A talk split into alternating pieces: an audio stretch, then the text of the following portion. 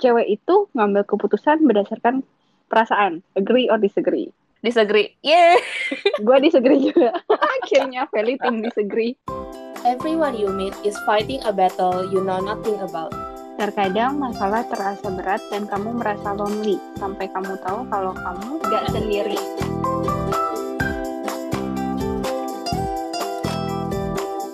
Lu agree atau disagree? Cewek itu gak bisa baca map.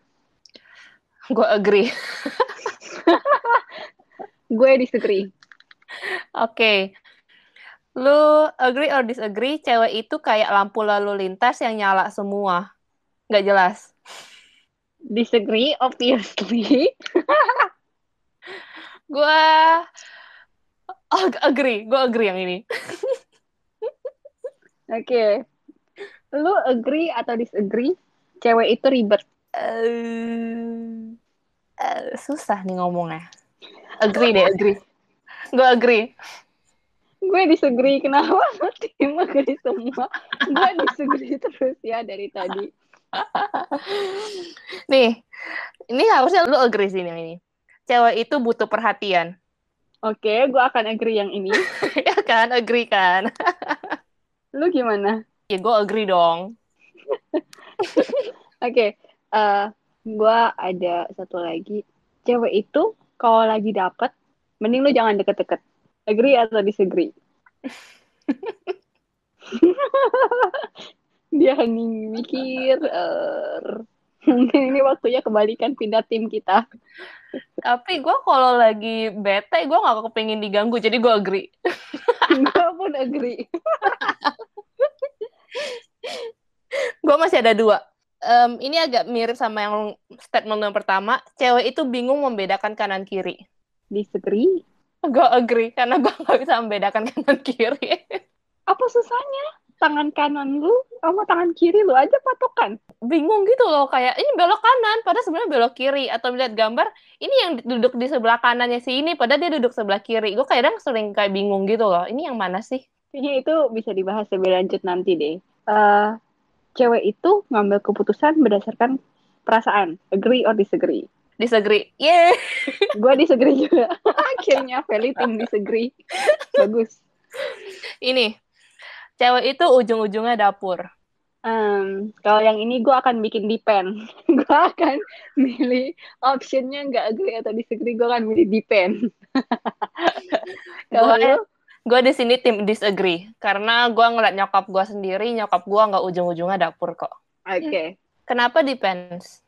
Hmm, gimana ya karena gue merasa sebagai cewek memang tanggung jawab lu dapur sih menurut gue bukan berarti maksudnya lu nggak boleh mengejar ini itu atau gimana gitu ya tapi gue merasa ketika udah punya anak terus lu kerja masih kejar karir gitu anak lu siapa yang gede ini yang bikin sape yang tanggung jawab ya sape lah tapi kan yang bikin dua orang kes lu nggak bisa bikin ya, anak sendiri ya iya tapi kan maksudnya ada role-nya masing-masing gitu loh.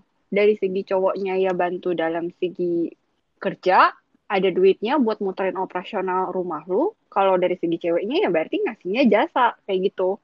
Tapi sekarang ada jadi bapak rumah tangga. Ya, iya. I mean, roles-nya kan bisa aja dituker. Kalau ceweknya lebih stabil dalam keuangannya, terus ceweknya yang berkarir, cowoknya yang di rumah, ya tetap aja kan. Tapi pembagian tugasnya intinya tetap kayak gitu gitu. Tapi mostly cewek sih ya, hmm. ya right hmm.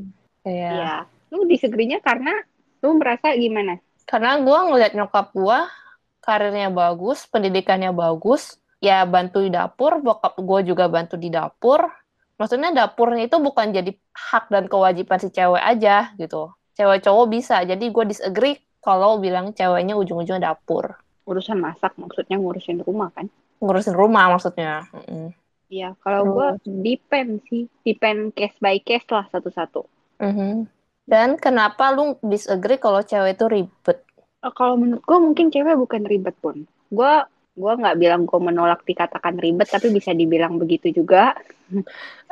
tapi gue merasa bukan ribet, Bon. Gue merasa itu prepare namanya. Nyebutnya prepare, bukan ribet. Gue ribet karena gue prepare karena gue mikirin semua kondisi yang akan terjadi gitu ibarat kata nih kita jalan-jalan nih hmm. packingan gue mungkin oke okay lah fine packingan gue itu lebih banyak daripada cowok oke okay.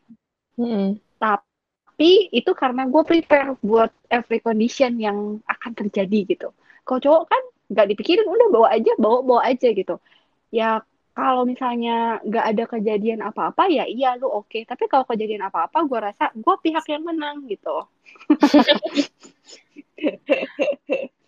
kalau buat gue cewek itu ribet karena kita terlalu merhatiin details peritilan-peritilan kita iya. perhatiin yeah. Hmm, hmm. Karena kalau cowok kan lebih yang um, fokus ke satu tujuan. Ada yang apa ya? Gue pernah baca, gue lupa buku apa gitu. Bilang cowok itu tuh kalau fokusnya itu tuh kayak terowongan. Jadi dia cuma bisa ngeliat apa yang di depan mata dia aja. Sementara kalau cewek fokusnya tuh kayak lebih luas gitu loh. Makanya itu kenapa kalau cowok nyari barang nggak ketemu, panggil cewek pasti ketemu barangnya. Iya, iya bisa bisa bisa bisa kayak gitu. Bahasa dari uh, ada satu mantap juga. Ada satu yang gue tadi lupa nyebut, cewek itu cerewet. Agree or disagree? Agree. Couldn't agree, agree. Dua puluh ribu kata per hari, sementara cowok tujuh ribu kata per hari. right. Tadi kita berdua sama-sama agree di butuh perhatian. Iya. Perhatian Coba kayak mana? Kok baru hanya lo? Gue juga lagi mikir. Tadi gue agree dengan membayangkan case apa ya. Hmm, gue rasa sih salah satunya ini. Mungkin kalau gue ngobrol sama orang, gue pengen tuh di lu perhatiin gue ngomong gitu loh. Mm. jangan sambil distract ke mana-mana. Ya karena cowok itu emang nggak bisa multitasking gak sih? Ya, kalau boleh ngomong ya lu duduk dengerin. Nah ini nyambung bon. Ini nyambung sama dua puluh ribu katanya kita. Karena kalau ketika gue lagi cerita lu nggak merhatiin gue harus repeat ulang. Makanya kenapa gue ngomong sampai dua puluh ribu kata gitu. Bener dong oke. Okay.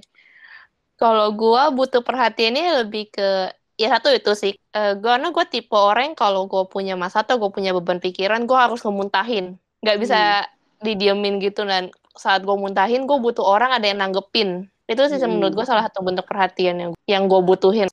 Harus ditanggepin. Ya iya sih mana ada orang cerita terus habis itu udah diem. Tapi ada loh gue punya temen.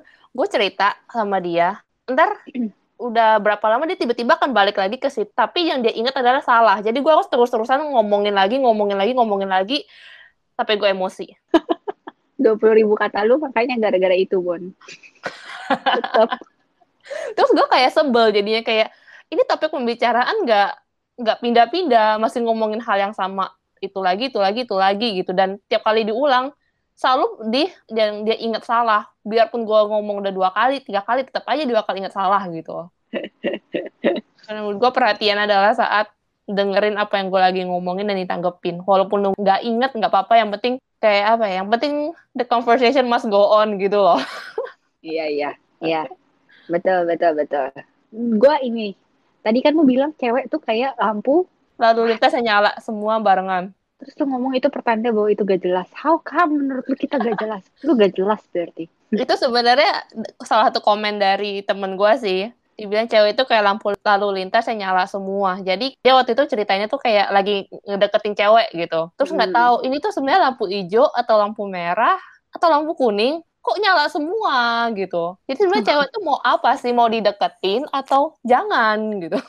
Dan lu setuju? Karena lu ngomong agree kan? Gua setuju karena ya gimana ya kayak begitu juga bener? Kadang kayak lu sendiri juga mikir deh kayak lu kadang kepingin sesuatu tapi kayak lu bingung bikin kata-katanya terus ya udah lu kayak ngerasa ya udah let it flow aja tapi ternyata nggak sesuai dengan yang lu harapin. Tapi lu tahu lu pingin apa tapi lu kayak bingung gitu loh mau ngungkapin dalam kata-kata gimana gitu.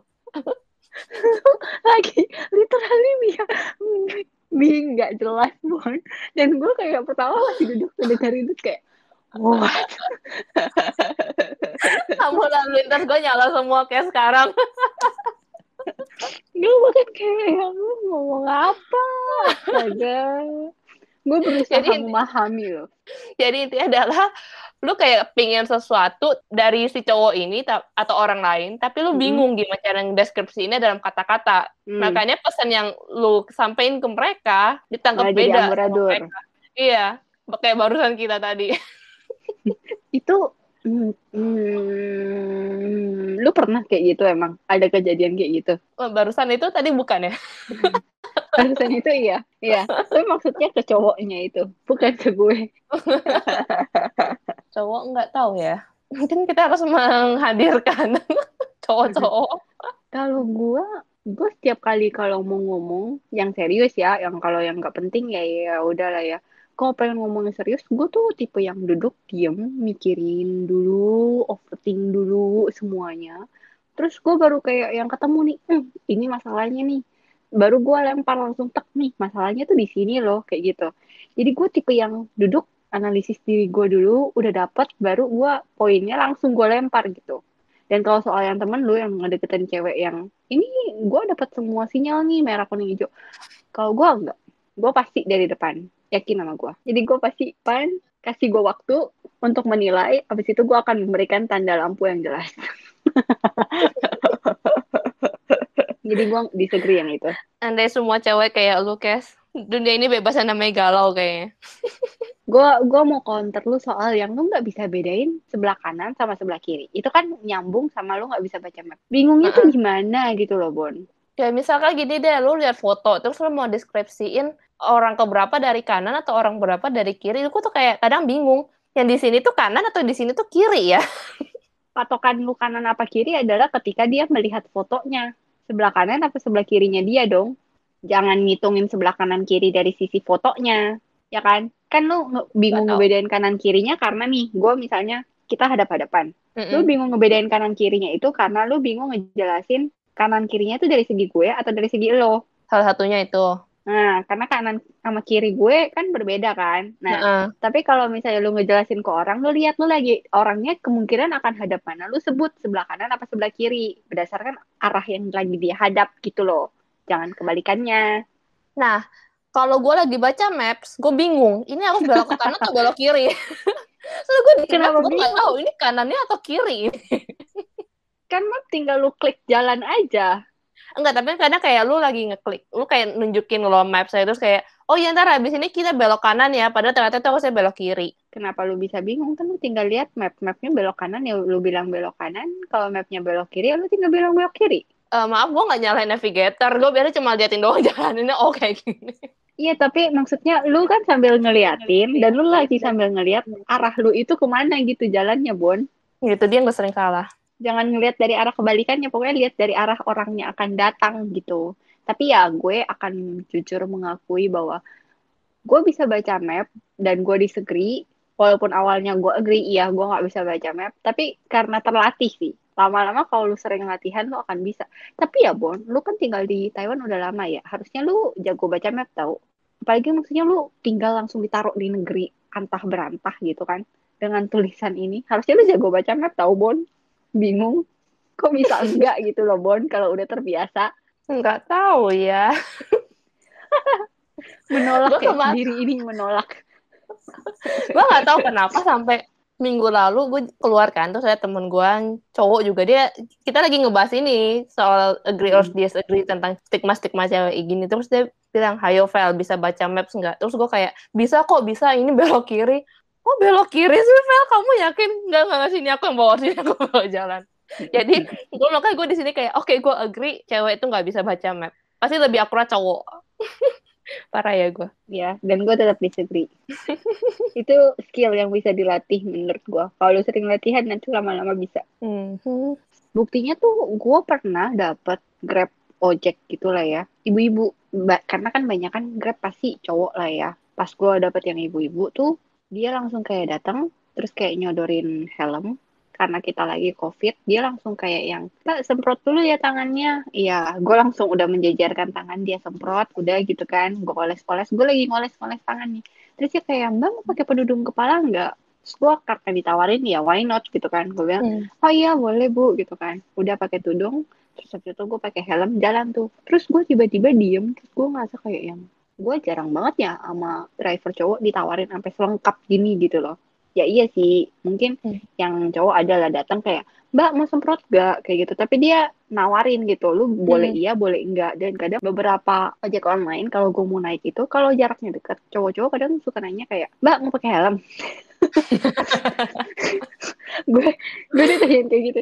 Bak, jadi nawarinnya beda ya. Kalau cewek itu langsung kayak yang datang langsung mbak langsung semprot dulu ya tangannya. Oh iya. Langsung ditawarin buat ini ini ini masker gini gini. Iya langsung pupuk pokoknya semua aksesoris yang lo harus pakai nih gue tawarin pok gitu kan. Kalau sama yang cowok tuh justru malah kalau deket mau pakai helm mbak. Kadang kadang ya gue kalau deket sih ya emang ya udahlah nggak usah nggak apa-apa orang deket ya udah gitu. Cuman berasa ketara aja gitu loh sometimes bahwa ternyata cewek walaupun bawa online kayak gini lumayan juga ya gitu loh. Tapi emang gue merasa ada stigma di mana emang kerjaan jadi driver online itu adalah man dominated work mm -hmm. ya jadi kayak gitu. Jadi gue pernah juga dapat driver kali ini mobil cewek mm. ibu-ibu gitulah ya. Kita lagi macet nih. Kita lagi macet lagi gue nggak terlalu merhatiin jalan lah ya. Gue lagi duduk diam tiba-tiba kayak ngerem mendadak terus gue kayak yang ngeliatin ibunya gitu kan. Karena mungkin orang-orang udah kayak ini cewek ini nyetir pasti ugal-ugalan sen ke kanan padahal belok ke kiri hmm. kayak gitu kan. Hmm. jadi dia ngerem mendadak gue langsung keingetan kayak gitu. Kayak ini kok nyetirnya nggak ini sih gitu loh nggak smooth gitu. Tapi langsung ibunya tuh kayak enggak dan langsung tiba-tiba masih pembelaan kayak enggak kok mbak bukan saya yang salah. Tadi ini tuh motornya kayak gini gini gini kayak gitu. Dia kayak ngejelasin lah gitu bahwa emang ini situasi yang mengharuskan dia buat ngerem mendadak. Dan emang cowok juga biasanya kadang kayak gitu kan nyetir hmm. tiba-tiba ngerem mendadak kalau emang darurat banget gitu. Hmm. tapi bedanya adalah kalau cowok abis udah ngerem mendadak kayak ya udah be aja gue nggak salah kok kayak gitu mm. tapi kalau ceweknya itu ibunya tuh langsung kayak ngasih pembelaan karena gue nya juga responnya kayak langsung ngeliatin dia gitu loh mm. karena gue sendiri kan jarang kan jarang di driverin mm. cewek jadi pas kena yang cewek tuh gue kayak what kenapa bisa tiba-tiba rem mendadak gitu jadi ya itu sih ada stigma-stigma kayak begitu juga gue rasa. Lu pernah kayak gitu gak? Um, berhubung di sini tidak ada ojek online, bahkan ojek pun tidak ada di Taiwan. Jadi gue gak pernah. Tapi menurut lu berarti driver cewek itu lebih perhatian daripada driver cowok? Karena mereka merasa di work dominated man, mereka apa ya, minoritas. Jadi kalau dia nggak berikan yang terbaik atau something nggak go smooth, dia yang akan lebih kena burnnya gitu loh ngerti nggak? Um, bukan karena emang pada dasar cewek lebih perhatian lebih ribet lebih perhatiin detail-detail. Hmm, enggak sih. Kalau menurut gua mungkin bukan ke nature ceweknya itu tapi lebih ke gini. Ibarat kata nih lu satu kelas deh satu kelas sekolah. Itu sekolah ibarat kata yang cuma nerima cowok. Terus lu cewek lu ke sana lu sekolah kan? Itu terus ketika lu dibandingkan gitu loh Bon, karena lu minoritas dan lu kayak apa nih, lu mau membuktikan diri ya kalau lu tuh bisa sukses di sini ya kayak gitu. Jadi mereka ekspektasinya ke lu tuh lebih gede daripada ke yang ya udah normal karena emang ini banyakkan cowok yang masuk gitu.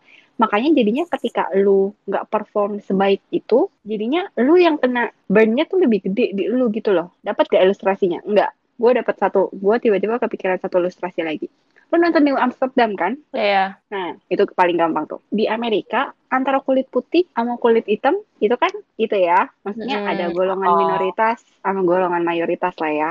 Mm. Nah, dokter bedah jantungnya kan cowok, orang kulit Dr. hitam kan? Reynolds. Nah, Dr. Reynolds. Ya, dia sendiri ngomong kan, dia cerita waktu itu ke anak magangnya, dia bilang, gue itu ketika lagi residen kayaknya ya kalau lagi dokter-dokter hmm. gitu akan ada level residen ada level intern kayak gitu-gitu gue gak ngerti lah pokoknya lagi masa-masa itu. Kalau misalnya gue datang on time ke kelas gak ada yang ngomainin gak ada yang muji wah lu datang on time nih hari ini datang pagi banget nih kayak gini. Gak ada yang muji. Tapi hmm. ketika dia datang telat dia kena kan? Diocehin sama profesornya oh telat lu kayak gini. Berarti kan ada ekspektasi orang lebih tinggi ke lu karena lu golongan minoritas lu harus perform better daripada yang mayoritas ini gitu loh karena orang lebih keep eye on you gitu loh lebih merhatiin lu gitu bener gak? Oke masuk akal Berarti apa itu artinya cewek kalau mau masuk di dunia kerja yang didominasi oleh pria itu sangat susah? Berarti apa gender equality di tempat kerja juga akan susah? Gimana ya? Kalau menurut gue lebih ke harusnya itu drive lu to perform better aja sih. Dianggap tapi, sebagai challenge aja.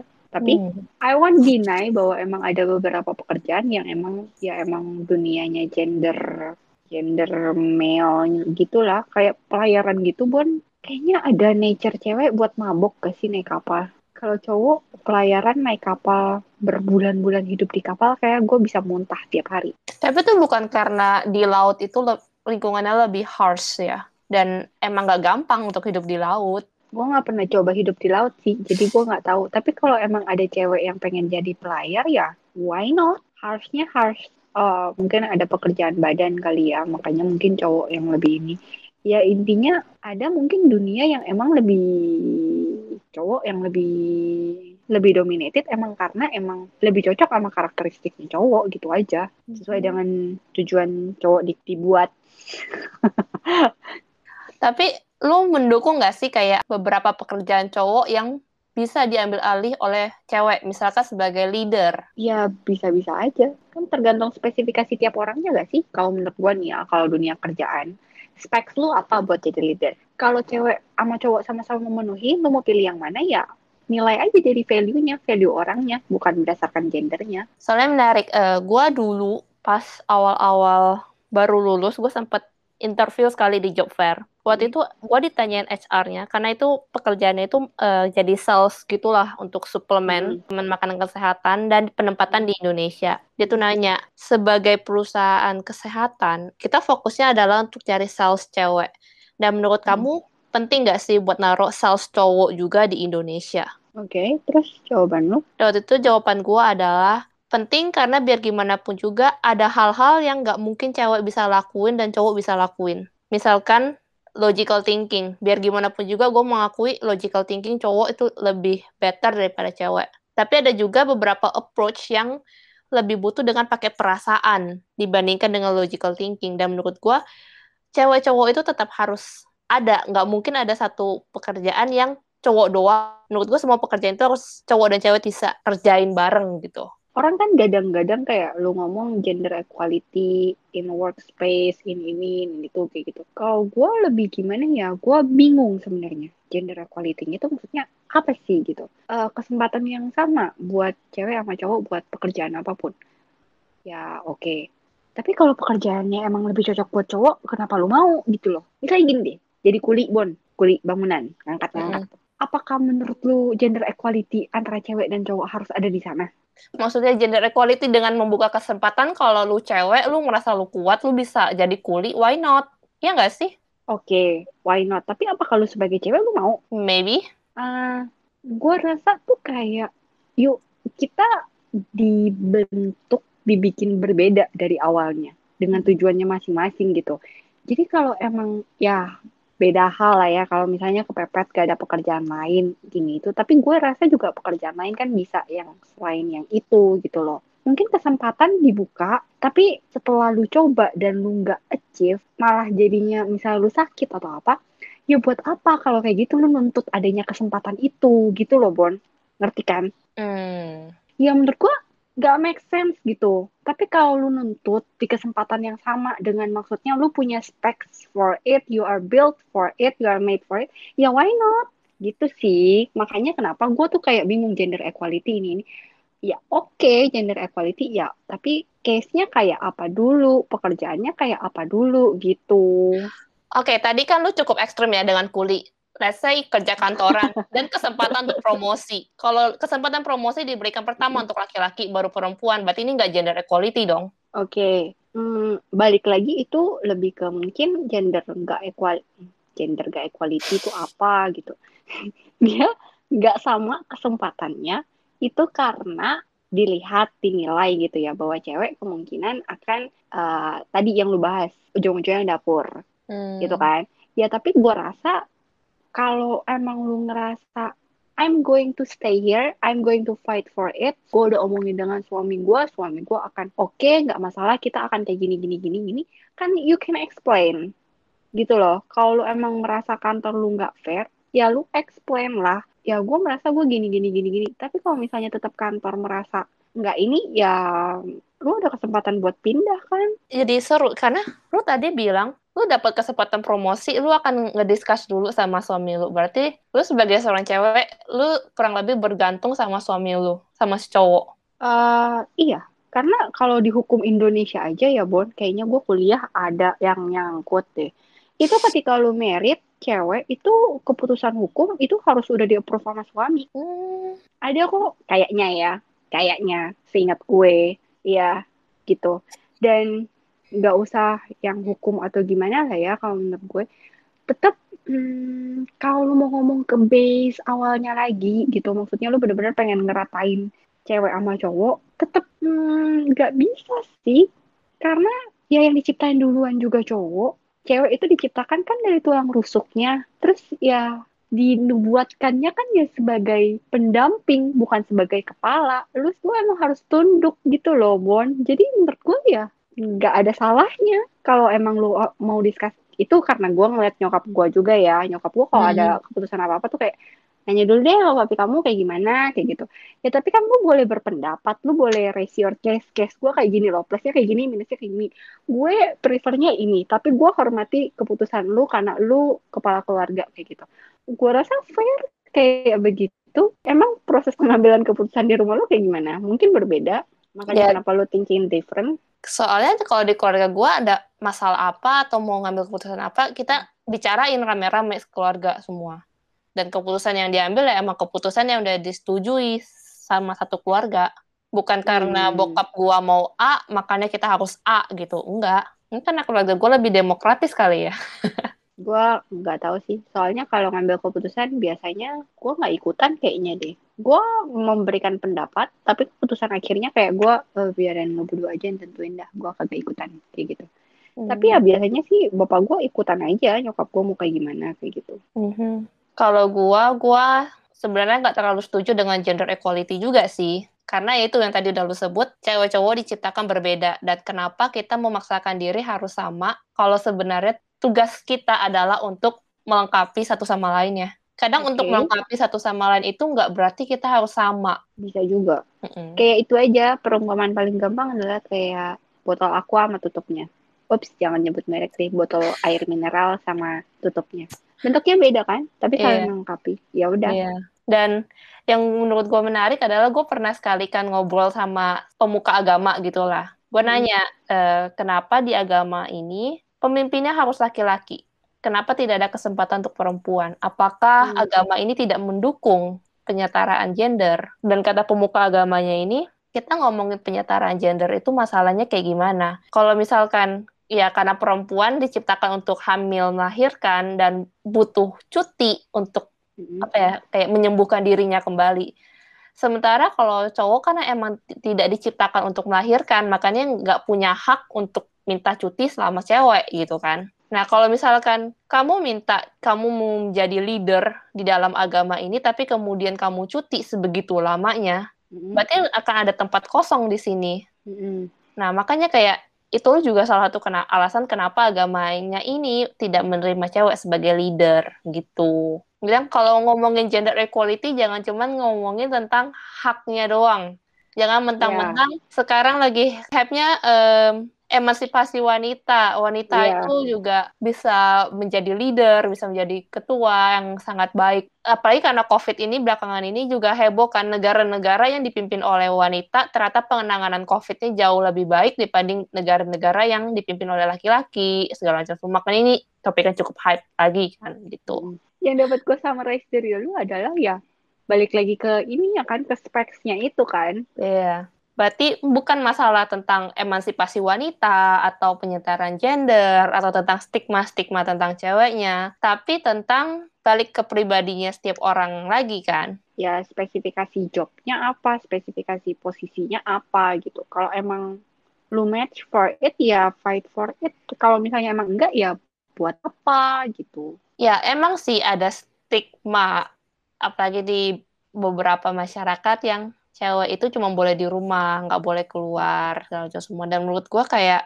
sayang aja gitu loh. Tapi ya, lo harus jadikan itu buat push you to the level better aja. Betul. Iya, ya udah. Mau apa lagi? Udah. Udah, udah. See you on the next episode. Bye. Sumpah. Kamu nggak pernah tahu bagaimana ceritamu bisa menguatkan orang lain. Yuk, bagikan ceritamu supaya lebih banyak lagi yang dikuatkan. ternyata gue nggak sendiri